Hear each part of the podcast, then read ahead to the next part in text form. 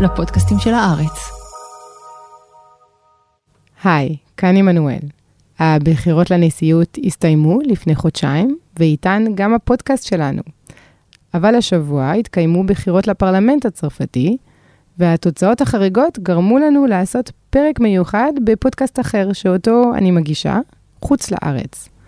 זה נראה לנו הגיוני להביא את הפרק הזה גם למאזיני הרפובליקה, ובמובן מסוים הפרק הזה הוא תוספת מתבקשת לפודקאסט ולמסע שעשינו בו. האזנה טובה. השבוע התקיימו בצרפת בחירות לפרלמנט, ותוצאות כאלה לא נראו ברפובליקה מעולם.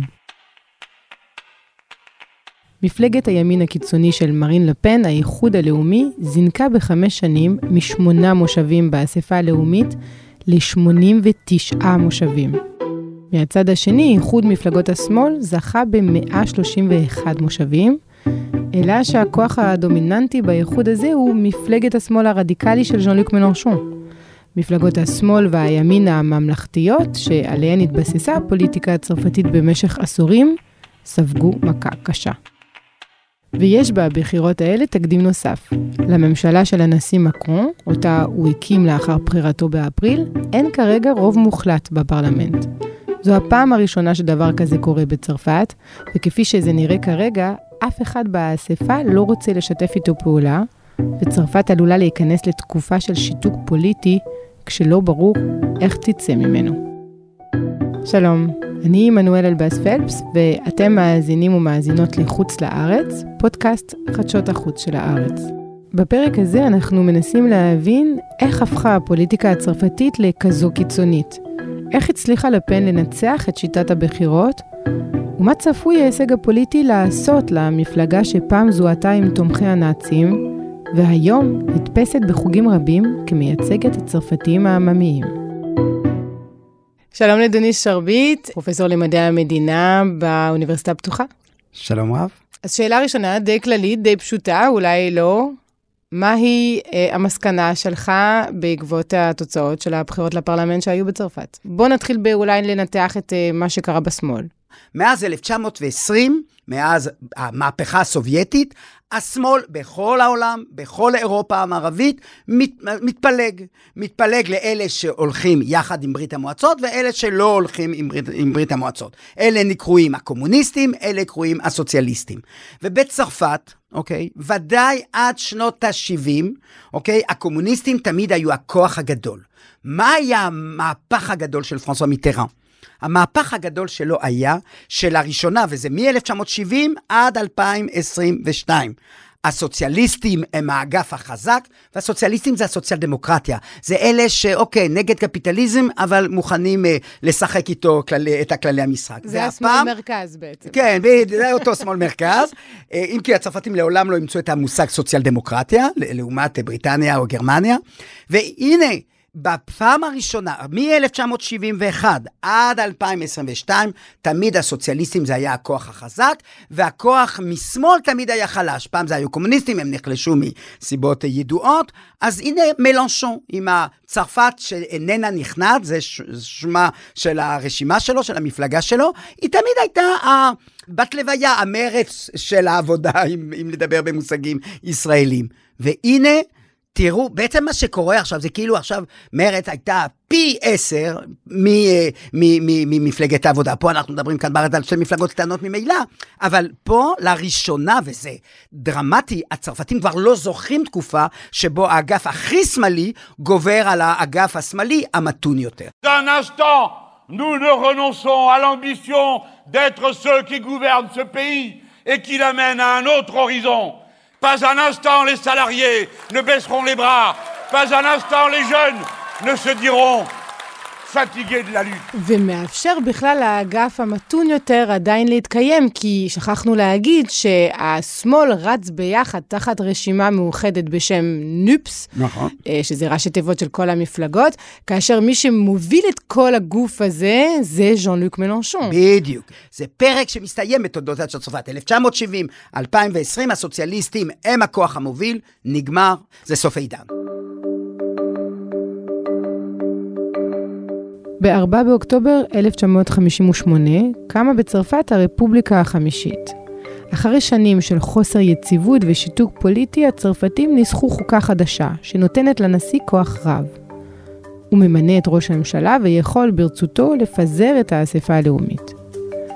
ראש הממשלה והנשיא ממנים את חברי הממשלה, והיא אחראית על יישום המדיניות. בצרפת מתקיימות בחירות ארציות לנשיאות, ובנפרד בחירות שבהן בוחרים את חברי האספה הלאומית, כפי שקרה השבוע. בעבר היו מצבים של קואביטציון, חיים משותפים, מצב שבו הנשיא בוחר ראש ממשלה ממפלגה יריבה. ב-2002 שונתה החוקה, כך שהבחירות לאספה הלאומית, שמתקיימות גם הן אחת לחמש שנים, יהיו מעט אחרי הבחירות לנשיאות, מתוך ההנחה שהעם יעניק לנשיא שזה עתה נבחר את הכוח הדרוש לו בפרלמנט כדי להוציא לפועל את המדיניות שלו. לאחר בחירתו של מקרון באפריל האחרון הוא מינה ראש ממשלה ממפלגתו, אלא שתוצאות הבחירות הביאו לכך שלממשלה הזו אין כרגע רוב מוחלט באספה, ולעת עתה נראה שמקרון יתקשה להקים קואליציה. המצב הזה הוא חסר תקדים בצרפת.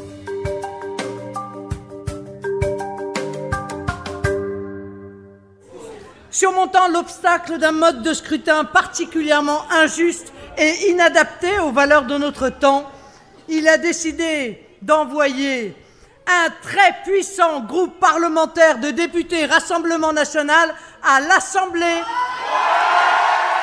בואו נסתכל על מה שקרה מהצד הימני של המפה. 2017, בבחירות לפרלמנט, החזית הלאומית, מפלגתה של אה, מרין לפן, ימין קיצוני, מקבלת שמונה מושבים באספה הלאומית. 2022, חמש שנים אחר כך, החזית הלאומית זכתה ב-89 מושבים, זה יותר מפי 10, 89 מושבים לימין הקיצוני.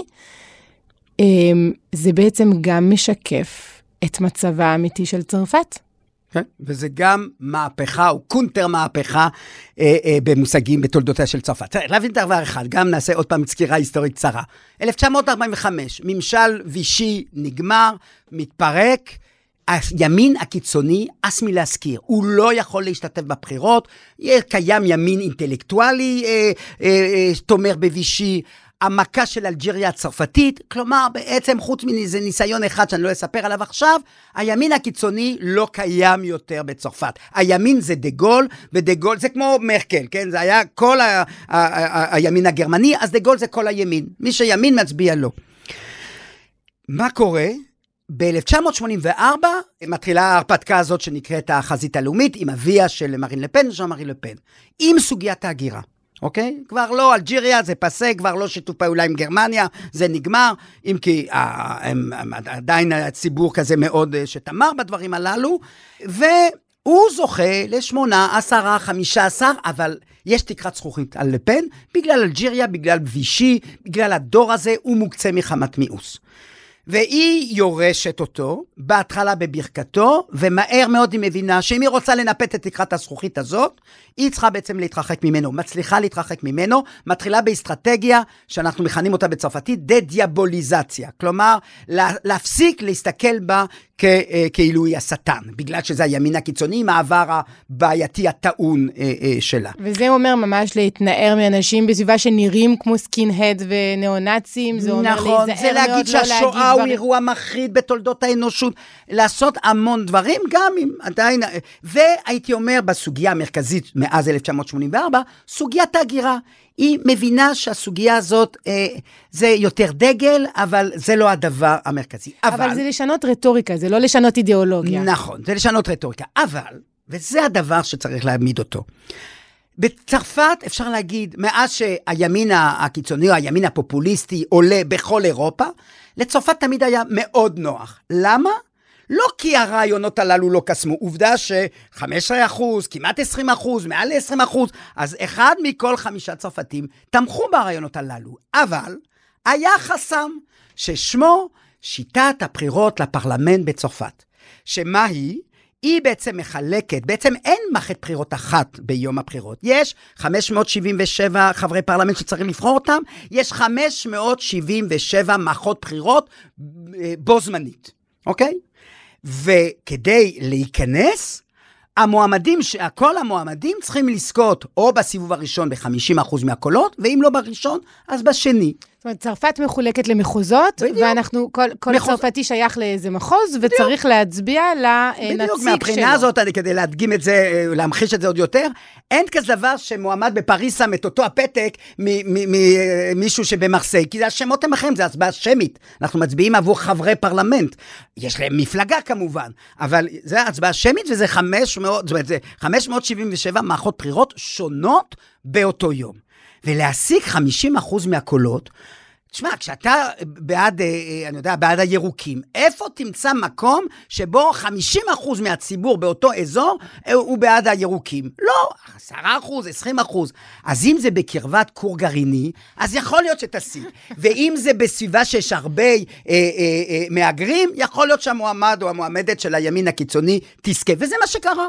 ולכן, גם הירוקים, כל האגפים הקיצוניים תמיד זכו ב-15 מושבים, לכל היותר אמרת שמונה, כי היו רק שמונה מקומות מתוך 577 מערכות בחירות, שבהם, הנה, הימין הקיצוני, מה גם, וצריך לציין את זה, שבדרך כלל כשהיא, אה, אה, אחד מהמועמדים שלה העפילה לסיבוב השני, היה חזית גם של השמאל, גם של המרכז, נגדה.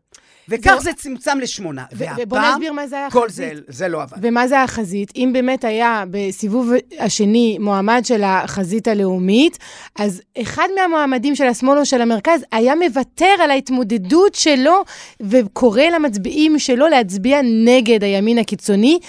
הפעם, לא רק שזה לא קרה, המספרים מראים שבמקרה שהיה איחוד השמאל, כולל השמאל הקיצוני של מלנשון, מול הימין הקיצוני, החזית הלאומית, אז הרפובליקנים, 30 אחוז מהם, מהמצביעים הרפובליקנים, הצביעו לימין הקיצוני. נכון. כלומר, החסם הזה, הפחד של הימין הקיצוני, נגמר. נגמר. זה לא קיים דברים. יותר. קודם כל, מה שאת קוראת זה מה שנקרא החזית הרפובליקנית, לפרון רפובליקן. בסיבוב השני, שמאל וימין שמים בצד את ההבדלים האידיאולוגיים הבולטים ביניהם, ואומרים, רגע, מול הפשיזם, כולנו כאיש אחד, ובאמת אחד מהמש, המספר שלוש היה מודיע גבל עם ועדה, שהוא קורא למצביעים שלו להעביר את קולותיהם. אגב, כמו שמלושו עשה בסופו של דבר למקרון מול לפן, מה הוא אמר?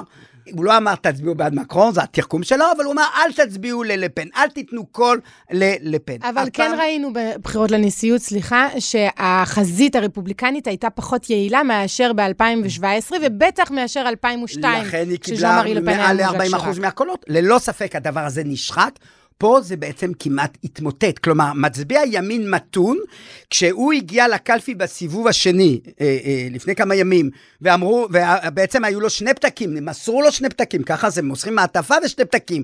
אחד של מועמד הימין הקיצוני, אחד של מועמד השמאל, שבעיניו גם נחשב לקיצוני, הוא אמר, הפעם, אני מצ... אני, או חלקם, כן, לא כולם, אבל חלקם, וזה מה שאפשר לימין הקיצוני, אפרופו להסביר למה משמונה היא מגיעה ל-89 מנדטים, זה דבר, הסבר אחד. ההסבר השני צריך לחזור למערכת הבחירות לנשיאות. אתם זוכרים את אריק זמור? את זוכרת את אריק זמור? מצלצל כן, מוכר עדיין, כן, לצערי. אז הוא מיד העמיד את עצמו כימין הקיצוני האמיתי, הימין הפופוליסטי האמיתי, שאפילו יכול לדבר עוד יותר בקול רם את המסר והרטוריקה הימנית, כי הוא גם יהודי. אז לא יגידו שהוא, אה, שהוא גזעני, כי הוא בעצמו כביכול קורבן הגזענות.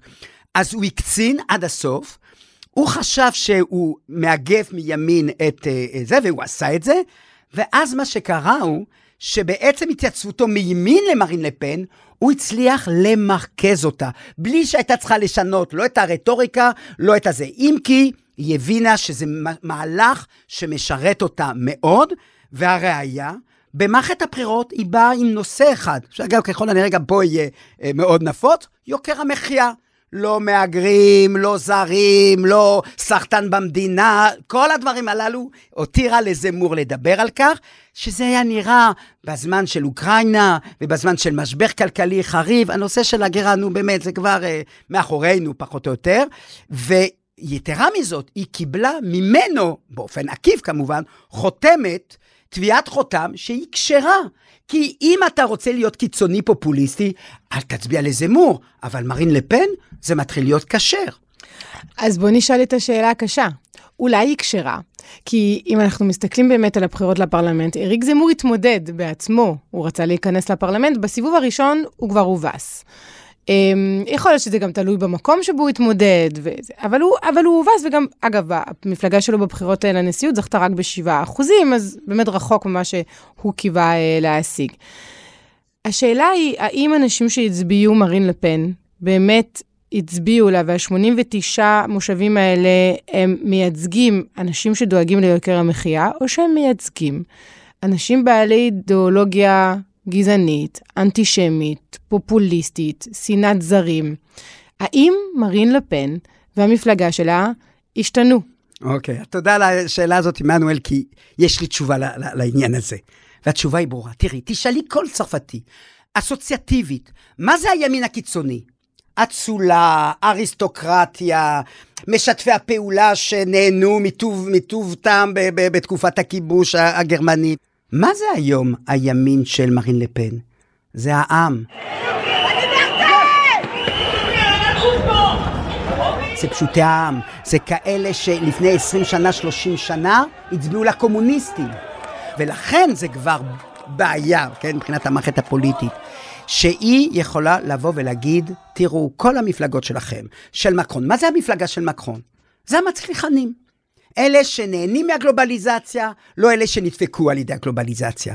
האיחוד הלאומי, הקלף החזק שלו בציבוריות, הוא מייצג את העם. הוא מייצג את ההמונים. הוא מייצג את אלה שעשו 12 שנות לימוד, לא מעבר לכך. את הסוחרים, את צרפת, שלא שומעים עליה. אבל רגע, פה, פה זה אולי עונה על מי הם הבוחרים החדשים של מרין לפן ושל אה, השותפים שלה אה, במערכת הפוליטית.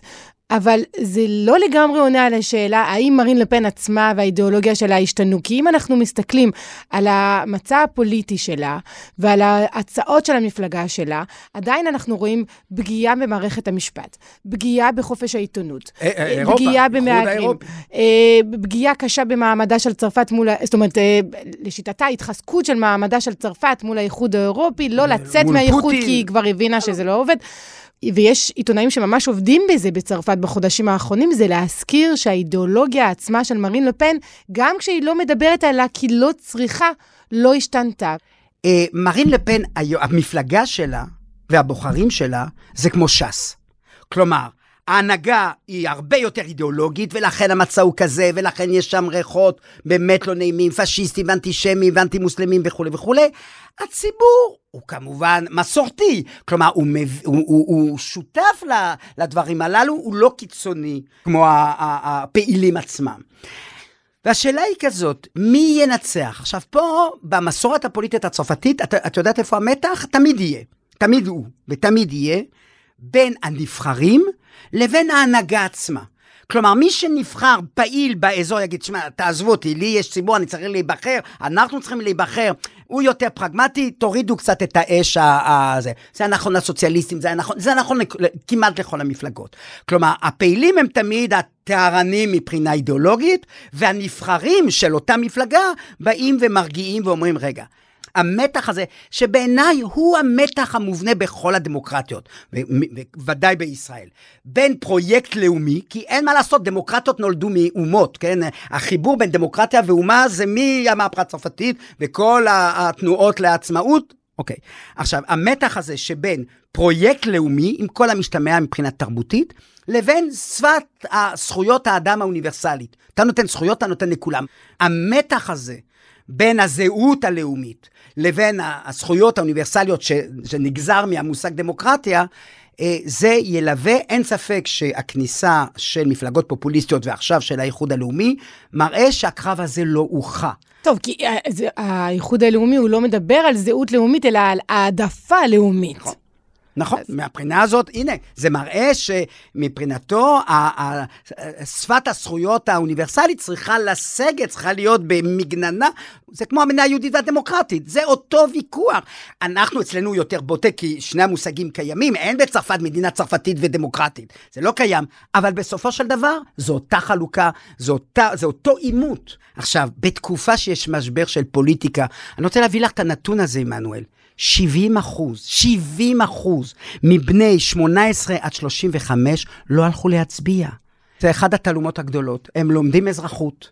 אה, הם עוברים 12 אה, שנות לימוד, מלמדים אותה היסטוריה, ספרות, מתמטיקה, מכשירים אותם אה, כדי לקבל מקצוע, כדי להיות חבר בקהילה הצרפתית, ואתה רואה שבעצם הפוליטיקה לא מדברת אליהם, זה נראה להם משהו שלא, לא מעורר עניין, יש דברים חשובים יותר בחיים, ולכן כשיש להם יום שבתון, אז הם לא הולכים להצביע. עכשיו, זה 70 זה 50 אחוז בכלל צרפת, עכשיו, על 70 אחוז של, של הצעירים, וזה לא 17-21, הפעם הראשונה שאמרנו צריכים להצביע, זה כבר, זה הדור הצעיר לא מצביע, אני אומר, זה משבר של, אה, אה, של הפוליטיקה.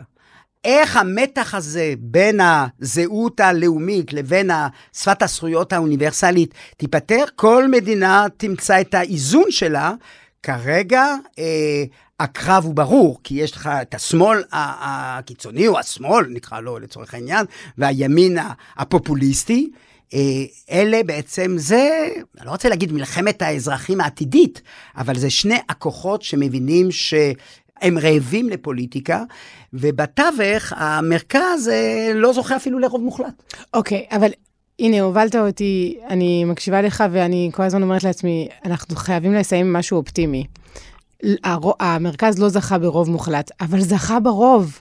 נכון. אז, אז אה, הוא המפלגה הראשונה בגודלה, מה שנקרא, ללא ספק. אוקיי. אני חושב שזה קשור למקרון, אני לא חושב ש... תראה, אה, כשעושים סקרים על החברה הצרפתית, הצרפתים באמת מתונים. אבל כי בסקרים אתה לא אומר, יש נמנעים שלא רוצים להשיב, אתה לא מחשיב את האלה שלא נמנעים. פה אתה, אתה לא, לא מחשיב אותם בחלוקת המושבים, אבל אתה לא יכול שלא לקחת בחשבון שהם לא באו להצביע. אז החברה הצרפתית, אני רוצה להרגיע, באמת, היא יותר מתונה. כשאתה בודק את הערכים של הצרפתית. המעמד הפוליטי, כלומר זה שנבחר, ומהבחינה הזאת, תראה, הוא יותר מעורב מן הסתם, כי הוא נבחר, אבל הוא, הוא משקף קיטוב שאיננו בציבור. J'ai confiance. Dans l'esprit de responsabilité de tous. J'ai surtout confiance en, en, vous, en nous. Vous avez, en avril et en juin, fait deux choix. אוקיי, okay, אז סיפרת על הצעירים, דור שלם של צעירים שלא הולך להצביע, ועל הקיטוב שהולך ומתחדד במערכת הפוליטית. צרפת לעולם לא התנסתה בממשלה שאיננה נשענת על רוב מוחלט. צריך להבין, המשטר הצרפתי הוא לא במקרה נקרא חצי נשיאותי. הנשיא הוא מוגן, הוא לחמש שנים, אף אחד לא יכול להדיח אותו. אבל ראש הממשלה וממשלתו תלויים באמון הפרלמנט. עכשיו, כרגע אני לא רואה שום ממשלה שאינ... שאיננה זוכה באמון. עכשיו, זה יכול מהבחינה הזאת להביא לכאוס, מהבחינה הזאת זה באמת פלונטר שלא היה כדוגמתו. צריך יהיה למצוא אה, אה, מוצא מן המשבר הזה, ואם לא ימצאו, בעוד שנה, אה, כמו שהעלית את ההשערה, הפרלמנט הזה יהיה מפוזר. כי מקרון יגיד, אי אפשר ככה לשלוט, זה כאוס, אי אפשר לקבל החלטות, לא נמשיך. והצרפתים והצרפתיות המתוסכלים, יצאו לרחובות, או יזכרו שיש להם נציגים בפרלמנט שאליהם הם צריכים לפנות? כרגע... הם מעבירים את רשות הדיבור והעשייה בעיקר לכוחות שנכנסו לפרלמנט. זה התפקיד שלהם. הם צריכים, הם עשו את העבודה במחאת האפודים הצהובים, במחאת השמאל אה, אה, בעבר. עכשיו הם מחכים לראות מה קורה. הם יהיו קשובים, אבל עכשיו אה, מי שצריך להגיב זו המערכת הפוליטית, בין של המרכז, בין של הימין הפופוליסטי, בין של השמאל. ימים מעניינים ומרתקים צפויים לצרפת. אז, בחודשים הקרובים. אז תרשי לי להעריך טיפה אחרת. אני חושבת שתוך כמה ימים, אולי שבועות, הצרפתים והצרפתיות ישכחו מחדש שהפרלמנט קיים, דבר שהם הם זוכרים את הנשיא, פחות את הפרלמנט, ואת המחאות לדעתי נראה שוב ברחובות, ואת השביתות, ואת ה... ככה את הנוכחות הציבורית אה, ברחוב. אבל אתה כנראה צודק ואני טועה. פרופסור דניס שרביט, תודה רבה לך. תודה, עמנואל.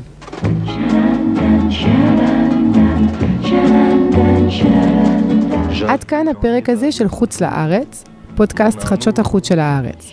למי שמעוניין להעמיק בפוליטיקה ובחברה הצרפתית, יש לנו פודקאסט מוכן בשבילכם. קוראים לו הרפובליקה, והוא מחכה לכם בדיוק כמו הפודקאסט הזה באתר ובאפליקציה של עיתון הארץ, או בכל מקום אחר שבו אתם מאזינים ומאזינות להסכתים. תודה לאסף פרידמן, אמיר פקטור, שני אבירם, יונתן מנייביץ' ורועי סמיוני. Chanson, à votre avis, qu'avons-nous vu de l'amour De vous à moi, vous m'avez eu, mon amour?